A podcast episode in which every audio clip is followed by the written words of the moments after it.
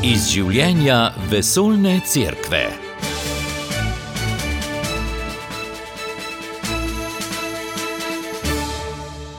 V juliju molimo za to, da bi Evharistija postala središče našega življenja.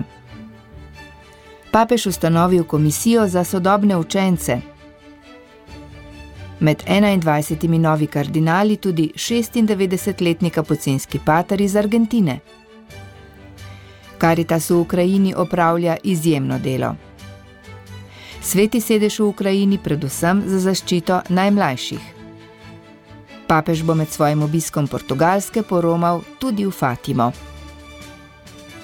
Dobr dan, z vami sva Blaž Lesnik in Marjana Debevec.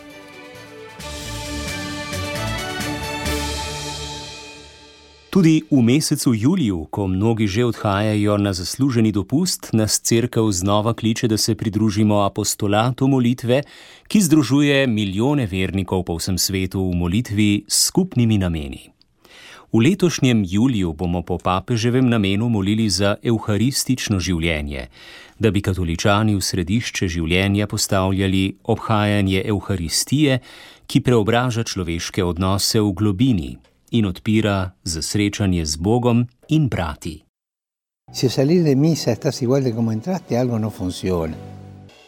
Če gremo od maše enaki, kot smo vstopili v cerkev, nekaj ni prav. Evharistija je Jezusova navzočnost, ki nas globoko spreminja. V njej se nam daruje Kristus, ki nas vabi, da bi se naše življenje nahranilo z njim in z našimi brati in sestrami. Vsakokrat, ko smo pri Evharistiji, pride k nam Jezus in Jezus nam da moč ljubiti, kot je ljubil On.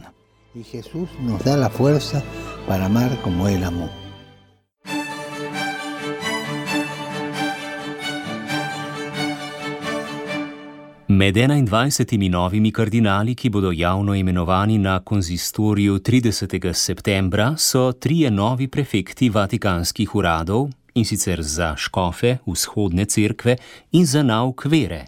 Nekatera imena pa so bolj nepričakovana. Med novo imenovanimi kardinali je jeruzalemski patriarh načkov Pier Batista Pizzabala. Za Vatikan News je dejal, da je novica zanj nepričakovana, obenem pa ga spodbuja k gradnji dialoga v tem vročem delu sveta. Ho appreso uh, di questa notizia quasi per uh, Za novico sem izvedel skoraj na ključno. Tega sploh nisem pričakoval, torej je bilo zame veliko presenečenje.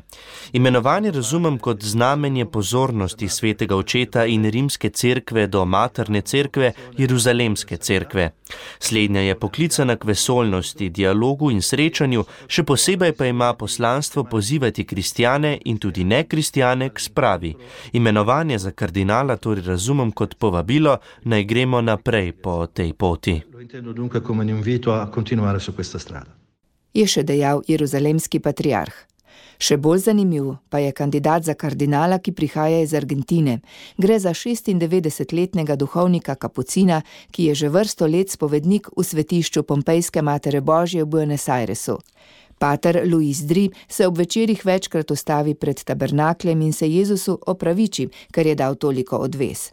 Ti si mi dal slab zgled, mu pravi v šali. Pater Dri ves dan, od jutra do večera preživi v spovednici. Njegov zgled sta pater Leopold Mandič in pater Pi, s katerim je leta 1960 živel v istem samostanu.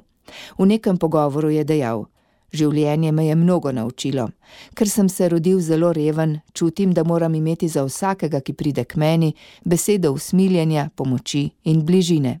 Nihče ne sme oditi z mislijo, da ni bil razumljen, je še dejal ostareli kapucinski pater, ki bo skupaj z ostalimi dvajsetimi kandidati 30. septembra imenovan za kardinala.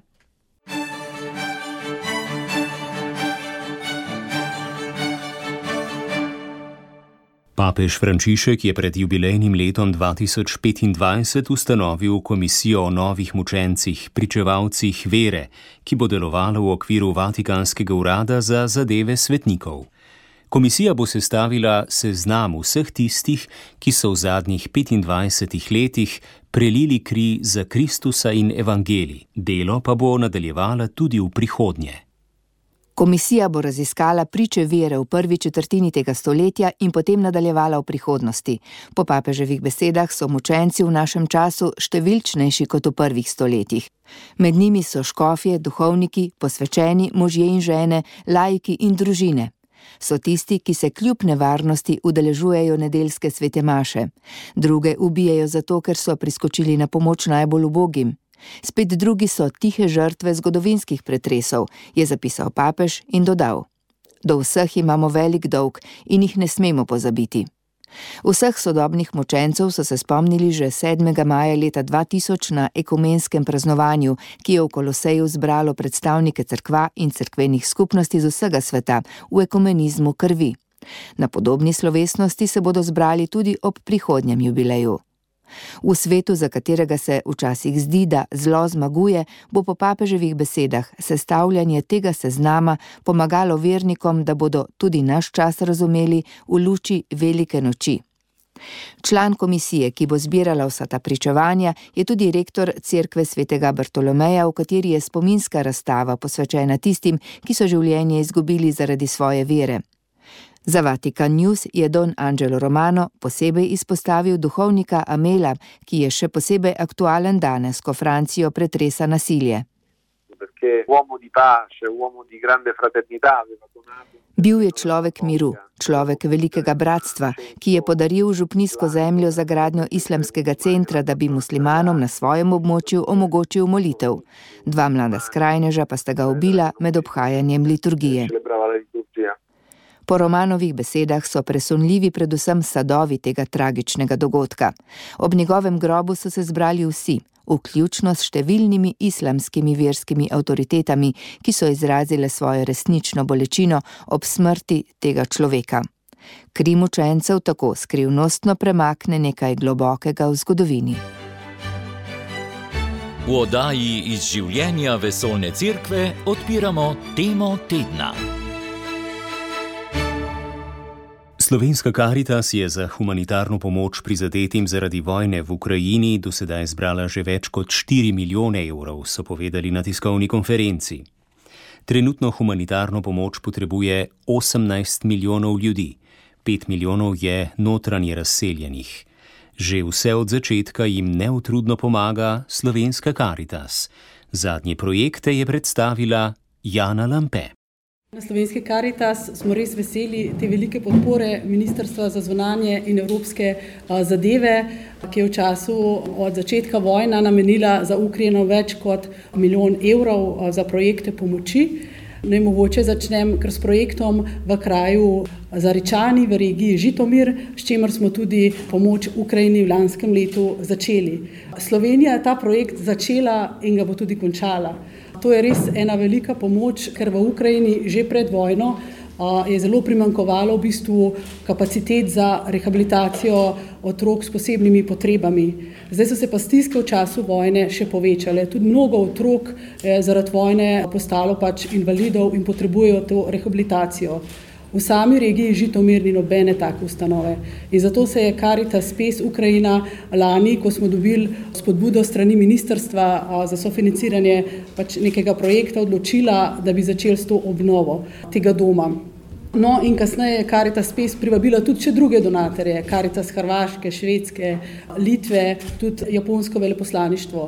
No, sedaj pa zmanjka še 240 tisoč evrov in to bo projekt, s katerim bomo zaključili v tem letu, v jeseni, ki ga financira Ministrstvo za zonanje in evropske zadeve, tako da bo ta dom tudi opremljen, funkcionalen, jeseni bo otvoritev, tako da se bo začelo s programi psihosocialne pomoči. V tem domu bo naenkrat lahko bivalo bivalo 90 otrok s posebnimi potrebami, preko leta pa se bo v tej rehabilitaciji lahko zvrstilo 1500 otrok. Druge dva velika projekta pa se začenjata sedaj z Julijem v regiji Harkov. To je regija, ki je res doživela hude izgube, veliko domov ljudi je bilo uničenih, potrebe so res ogromne, mnoga polja so še vedno minirana, zato se ljudje ne morejo sami pridelati hrane. Zato za te ljudi na tem območju smo začeli izvajati projekt vrednosti 200 tisoč evrov za zagotovitev tistih čist osnovnih življenjskih potrebščin. Po vaseh, recimo, trgovine še niso odprte, tam živijo predvsem starejši ljudje, bolni, ki niso, šli, niso odšli nikamor in tudi ne morejo obdelovati sedaj pol. Zato jim bomo za tri mesece zagotovili pakete s hrano in higijenskimi potrebščinami. V mestu Harkov pa je tudi veliko družin, mater, notranje razseljenih, ki so prišle iz vojnih območij, iz Donetska in drugih. In prav tem materam, ki živijo zelo skromno v najetih stanovanjah, brez dela, bomo omogočili bone za nakup hrane in higijenskih potrebščin. Več kot 3600 takšnih družin bo vključenih v to pomoč. Mogoče samo za en podatek, a ne tukaj je veliko ljudi res izgubilo delo, mnogo industrije je bilo pač uničene, bombardirane, samo ena oseba na 800 prebivalcev regije Harkov ima trenutno delo. Tako da res ljudje želi, živijo zelo težko, zelo skromno, čeprav je kar nekaj pomoči, ampak še vedno premalo, da pride do vseh teh ljudi, ki jo potrebujejo. No, v drugem projektu v regiji Harkov pa smo se ravno tako na prošnjo Karita Space Ukrajina osredotočili na psihosocialno pomoč otrokom. V tej regiji, sploh v mestu Harkov, veliko družin še živi tudi v zakloniščih. Čeprav so to pač že osvobojena območja, ampak še vedno so alarmi, rakete in te družine, matere z otroci živijo v velikem strahu in Karita Space v Ukrajini videla to veliko potrebo po psihosocialni pomoči otrokom in je začela v nekem malem centru, v malem prostoru izvajati delavnice za otroke ob sobotah. To so otroci, ki tri leta niso bili v šoli, prej dve leti COVID-a, potem leto vojne in so Mnogi tudi niso kaj veliko govorili in tako počasi, počasi, ko so prihajali v sobotah, so začeli zopet naprej se bolj pogovarjati z vrstniki, biti veseli, ampak pokazala se je potreba, da je tukaj še veliko, veliko več otrok in zato smo Ministrstvo za zonanje in evropske zadeve zaprosili za projekt v bistvu nakupa in obnove hiše v kraju Visoki kjer se bo tudi seveda, zagotovila oprema, a, tako da bi tudi letos v jeseni lahko začeli s projektom trajne rehabilitacije psihosocialne pomoči otrokom. Naenkrat se je bilo do 30 otrok zvrstilo, tako na desetdnevnih taborih ali pa tudi daljših, preko leta okrog 900 otrok. Uredilo se bo tudi otroško igrišče, tam je narava, tudi kakšne živali, kar je tudi dobro psihoterapevtsko za te otroke. Tako da bo to ena taka daljnoročna pomoč Slovenije. Se pravi, da so hiše se nazaj obnovijo, rane se zacelijo, te travme vojne, ki ostanejo v ljudeh, so pa v bistvu ene najhujših, najtežjih posledic vojne, kot vemo tudi iz drugih vojnih območij, Južnega Sudana, Bosne in Hercegovine, Sirije, še bi lahko naštevala. No, in ne na zadnje, četrti projekt je pa seveda letovanje 50 ukrajinskih otrok in mladih v Sloveniji, ki prihajajo iz okolice Kijeva. Mogoče bi omenila še to, da je v treh letih v sklopu strateškega komunitarnega partnerstva Ministrstvo za zonanje in evropske zadeve slovenski Karitas namenilo milijon 400 tisoč evrov pomoči za hitre odzive. Recimo v letošnjem letu smo pomagali po potresu v Turčiji in Siriji, sedaj začenjamo tudi humanitarni projekt v Malaviju kot odziv na ciklon, ker tam še mnogo ljudi je še vedno brez bivališča in hrane. Tako da je bila to ena res velika skupna pomoč v teh letih, da smo se lahko odzivali na vse te krize. Sej tudi posledice vojne v Ukrajini segajo v mnoge države, predvsem v afriške države, kjer se cene hrane dražijo skupaj s posledicami podnebnih sprememb, so pa tam tudi stiske velike, zato hkrati s humanitarno pomočjo Ukrajini ne smemo pozabiti tudi na druge revne dele sveta, ki tudi čutijo te posledice.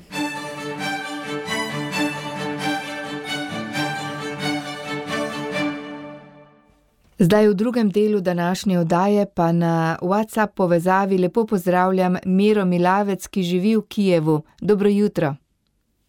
Dobro jutro in lepo zdrav vsem poslušalcem Radio Ognišče. Kakšno je stanje v Kijevu, Mira? Slišimo torej nenehni napadi po noči, recimo z brezpilotniki, marsikaj se dogaja, ljudje morajo v zaklonišča. Kakšno je vzdušje v samem mestu? Tako je res, že več kot dva meseca je zelo malo noči, katere so mirne. Je pa res, da samo vzdušje, ko greš po dnevu po mestu, bi lahko rekel, da zgleda, kot da ni vojne. Ampak ne veš, kaj je vse v srcih teh ljudi, ki ti res srečuješ, njihovih mislih, ne veš, kakšne strahote preživljajo, ker vemo, da vsak ima kakšnega, ki je svojcev v vojni, situacije, katere živijo. Vsako noč, tam med eno in tretjo uro, se oglasijo sirene. In idealno je, da grejo ljudje v zaklonišče, ker vidimo, da ni nobene sigurnosti, da v bistvu sam sistem eh, zaščite lahko zaščiti 100%. Tako da se spomnim tudi en mesec nazaj, nedaleč od našega stanovanja, na 3 km, prav v noči, ko je mama svojo hčerko bežala v zaklonišče, je v bistvu padel en del iz sestreljene rakete, tako da so obe umrle. Kot pa govorim, je Kijev zelo dobro zaščiten, druge regije okrog Kijeva pa ne tako dobro. Tako da nevarnost je. Idealno je, če grejo ljudje v zaklonišče, ampak moramo povedati, da nimajo vsi možnosti, tudi v zaklonišču, ni toliko zaklonišč. Večina ljudi, tudi ko vidim moje sodelavce, pridejo v službo neprespani, skrbeh. Tako. Kaj pa novice od drugot, jih verjetno kar pogosto spremljate, predvsem na območjih, kjer divjajo boji ali pa kjer so zasedena območja?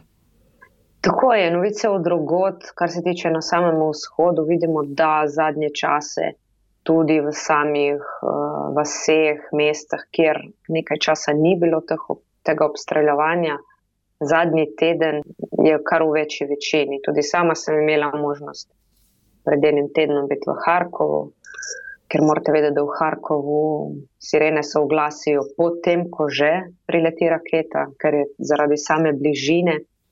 Ja, tako da tam je res, bi rekli, njihove življenje v božjih rokah. Po drugi strani vidimo, da tudi zahod države ni varen, tudi v samem Lvovu, kar se je zgodilo prejšnji teden. Tudi moja prijateljica v samem stanovanju sicer ni izgubila življenja, ampak stanovanje je totalno zrušeno. Se lahko človek na vse to navadi, navadi na vojno?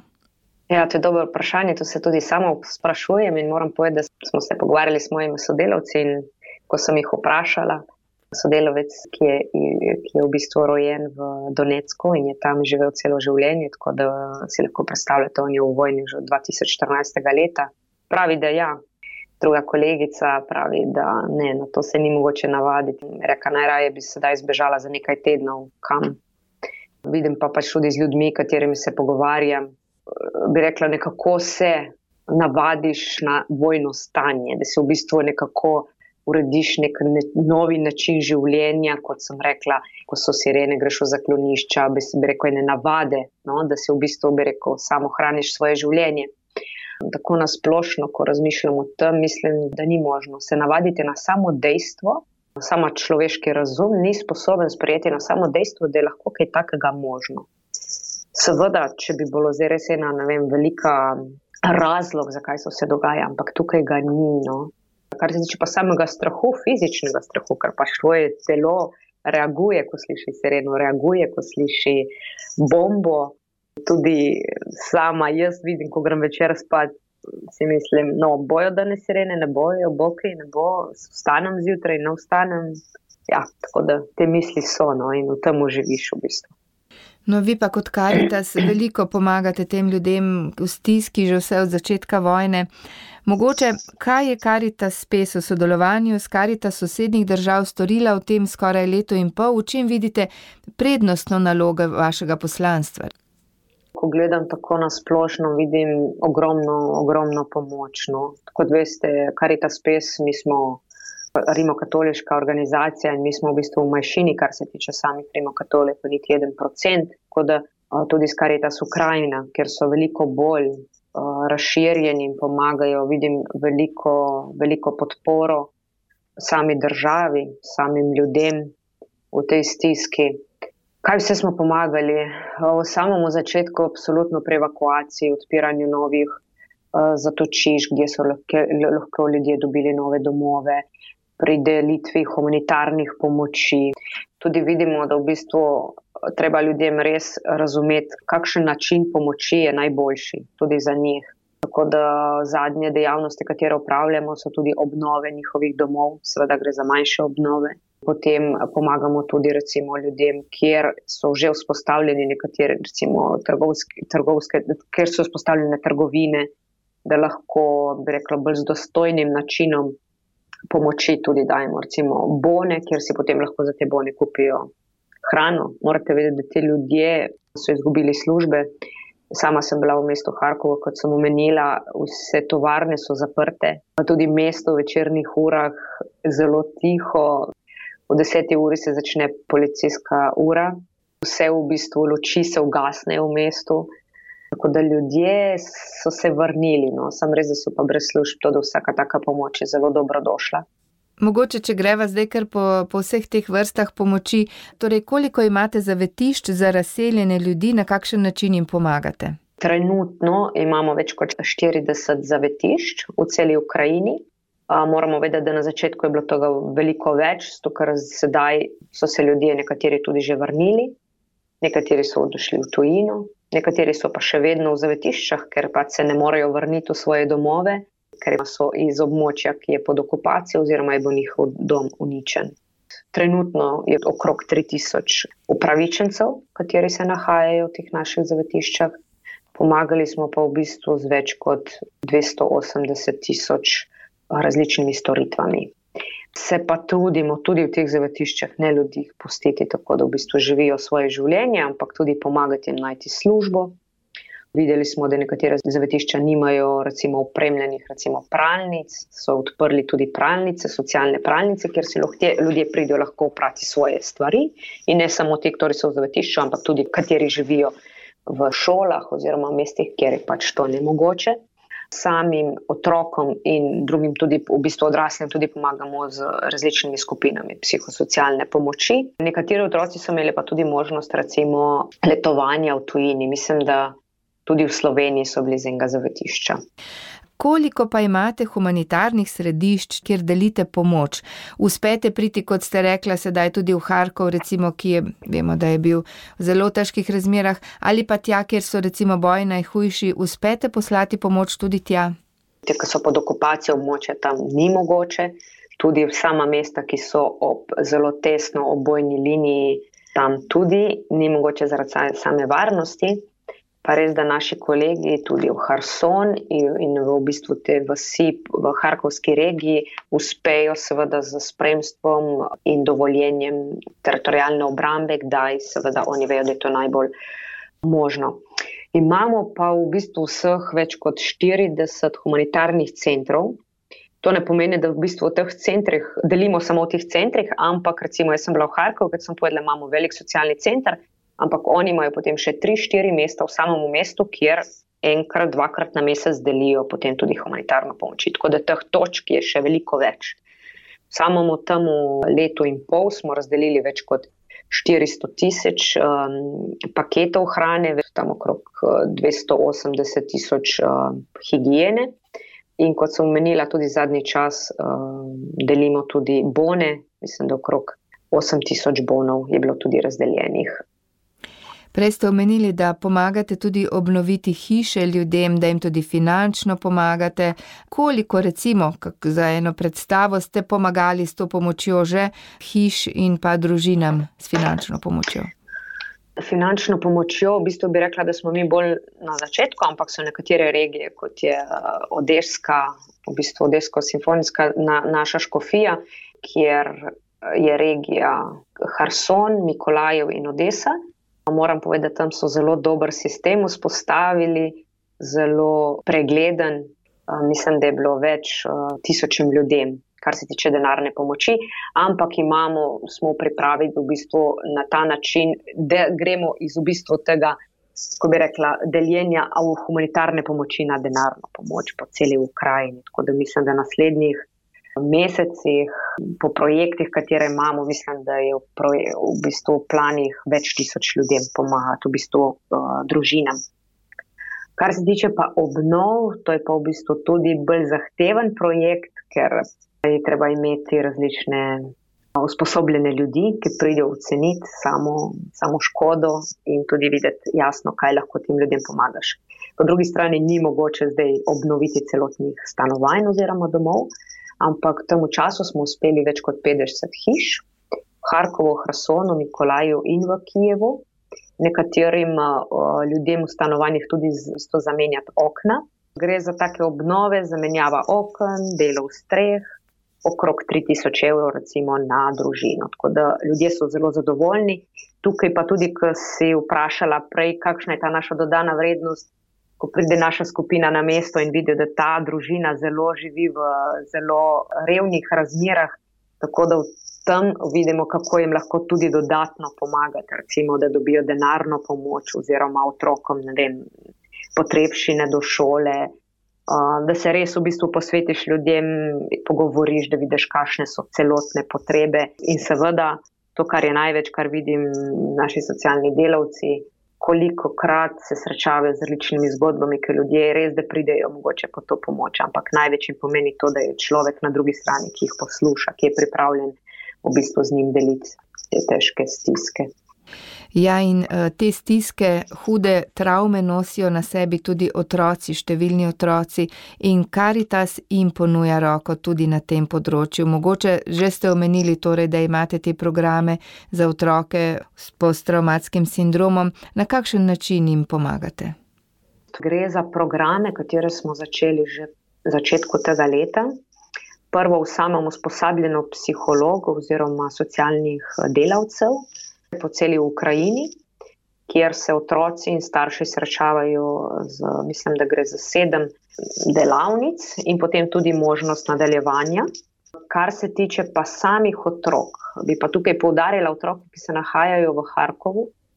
V Harkovu je res mesto, katero je preživelo veliko mesecev v zelo težkih situacijah in večina otrok katerih v bistvu smo danes v kontaktu z njimi, so preživeli v uh, zakloniščih, v bistvu v kletnih prostorih. Sama sem obiskala te kletne prostore, tako da sem si zelo težko predstavljala življenje tam, moram povedati iskreno. Ampak to je pomagalo v bistvu tem otrokom in večina mamam pač ostati v svojem mestu. Pomagali smo jim tudi kupiti računalnike, da so lahko sledili šolo online, tako da so v bistvu preživeli eh, tam. In mi sedaj nadaljujemo vsako soboto naš center, oziroma dva centra v Karkovski regiji, pride okrog 150 otrok. Tam se res vidi, da imajo otroci probleme, nekateri ne govorijo po več mesecev, ampak prav s to ljubeznijo, katero dobijo od naših animatorjev, vidimo velike uspehe no, v tem. In sedaj ta sama skupina otrok imela tudi možnost letovanja v tujini. Tako da so vse ti majhni majhne stvari, ki pomagajo otrokom, da nekako pridejo vsaj malo do normalnega življenja. Ja, za vse to delo, ki ste ga zdaj omenili, pa so potrebni številni prostovoljci. Koliko jih imate pri vas? So ljudje še pripravljeni pomagati so človeku v stiski, mogoče kakšna zgodba, kakšen primer? Veliko prostovoljcev, to gre za več sto. Mislim, da je bilo okrog 900 tisoč prostovoljcev na samem začetku, res je, da zdaj jih je manj, zato ker Na začetku je bilo veliko pomoči potrebne pri razdeljevanju humanitarne pomoči, sedaj, kot sem omenila, je to manj. In tudi sami se trudimo s temi prostovoljci, kateri so ostali, jih nekako vključiti v naše dejavnosti skupaj z njimi. Tako da konec meseca imamo tudi za njih pripravljeno taki teden šole, v bistvu prostovoljstva. Res je pa, da prav v teh akcijah tudi dnevnih taborah, ki se v bistvu organizirajo v različnih mestah v Ukrajini, so, je veliko prostovoljcev, kateri pripravljajo program. Sama sem se srečala z nekaterimi, ker sem jih vprašala, zakaj to delate. Ampak vidiš, da res prav v tem času vojne hočeš biti nekako koristen. Fantje, ne vsi so pripravljeni s to v bistvu bojevati, tako da so si izbrali na ta način, kako v bistvu pomagati Ukrajini. In moram povedati, ko sem videla v bistvu te mlade, kako so zadovoljni in koliko bi rekla, še več dobijo, kot dajo, uh, mi je dalo veliko veselje in sami so povedali, da ne bi zamenjali. Je pa res, da nekateri s prostovoljcem potem tudi sestanijo v bistvu našimi delavcemi, ker imamo veliko programov, socialne programe, tako da nekateri so tudi v bistvu zdaj že zaposleni. In tukaj želim povdariti tudi ne samo iz uh, ljudi samih mest, ampak tudi sami notranje preseljene ljudi, veliko takih, ki sedaj v bistvu uh, so naši sodelavci. Uh, kakšno zgodbo o teh naših prostovoljcih?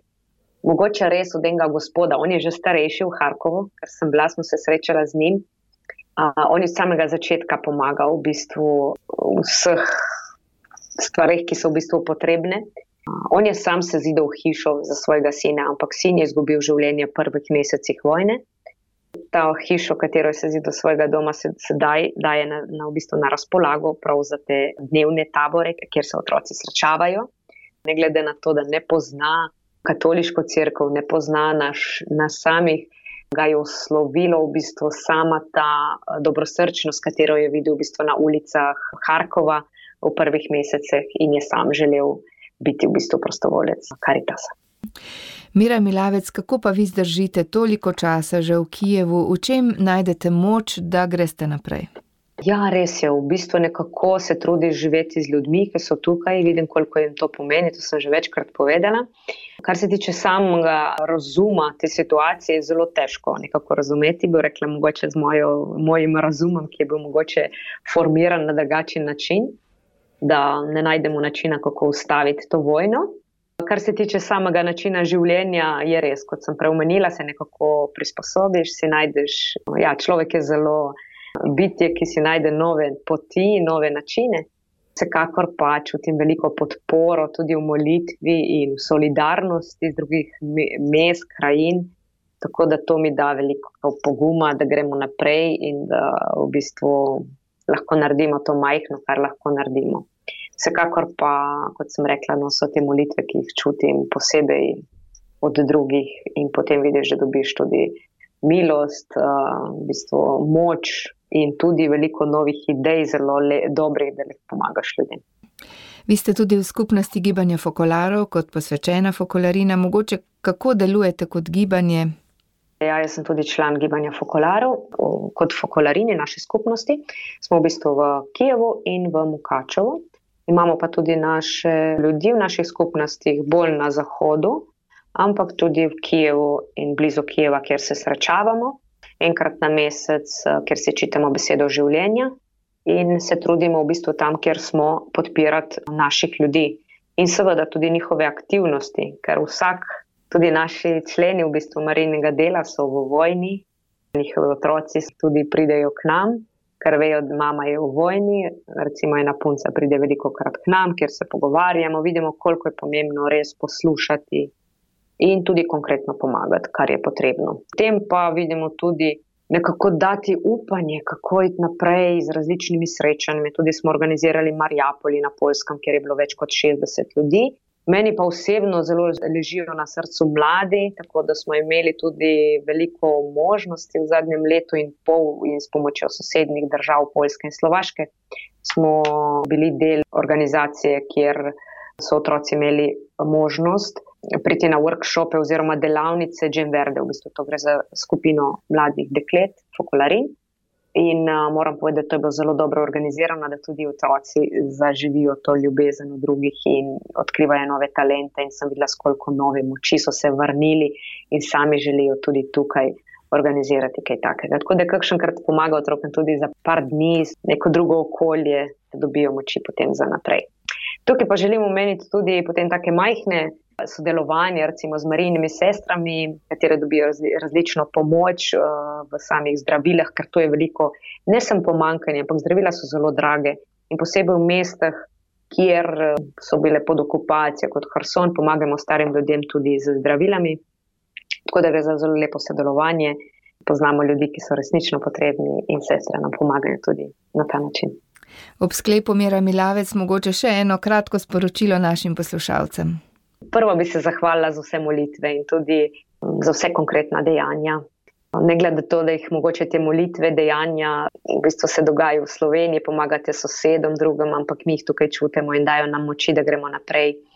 Druga misel pa mogoče to, da se resnično borimo za svobodo človeka, za te vrednosti, katere smo projeli kot kristijani, manjke kot ljudje in da res pomagamo eden drugemu, da se spoštujemo, Ja, in da delamo vse proti nasilju, in da pomagamo ljudem res ceniti življenje, ker to je največ, kar imamo. Ker se mi zdi, da tega največ manjka tukaj.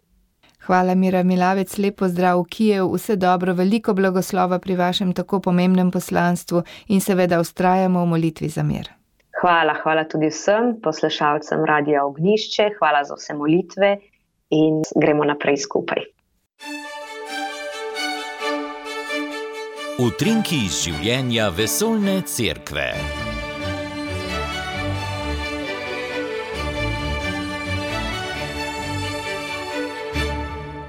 V Lizboni se bo čez tri tedne začelo množično srečanje mladih katoličanov z vsega sveta, Svetovni dan mladih 2023. Do zdaj se je na njen prijavilo že več kot 600 tisoč mladih, več kot 7 tisoč družin gostiteljic pa se je prostovoljno prijavilo, da bodo svoje domove odprle za romarje. Mladim se bo med 1. in 6. augustom pridružil tudi papež Frančišek, ki bo dan pred odhodom iz Portugalske obiskal še Fatimo. Sveti sedež je objavil tudi program papeževega obiska Mongolije. V tej azijski državi se bo pod geslom Upati skupaj sveti oče mudil v začetku septembra.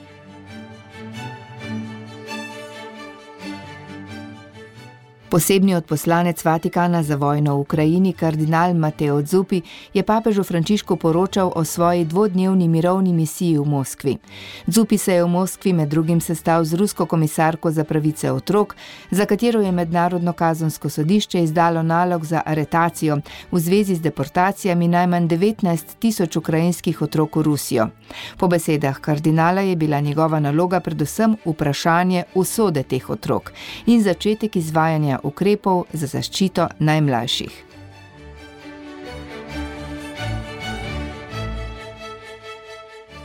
Ameriški igralec Jim Caviezel, ki ga najbolje poznamo po vlogi Kristusa v Gibsonovem Pasionu, je opozoril na vse pogostejše izrinjanje krščanskih naukov iz sodobne kulture. Kot je pojasnil v nedavnem pogovoru za ameriške medije, je sovraštvo do kristijanov dan danes najbolj sprejemljiva oblika nestrpnosti. Kevjezel je po poročanju družine govoril o svojem novem filmu Zvok svobode, ki so ga v Združenih državah Amerike premjerno predvajali pred nekaj dnevi. Film pripoveduje resnično zgodbo o ameriškem vladnem uradniku, ki iz rok trgovcev z ljudmi v Južni Ameriki osvobaja otroke.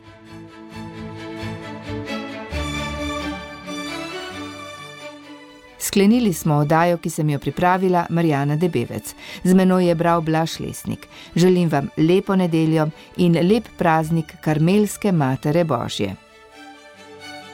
Poslušali ste oddajo iz življenja vesoljne cerkve. Ponovno ji lahko prisluhnete v našem audio arhivu.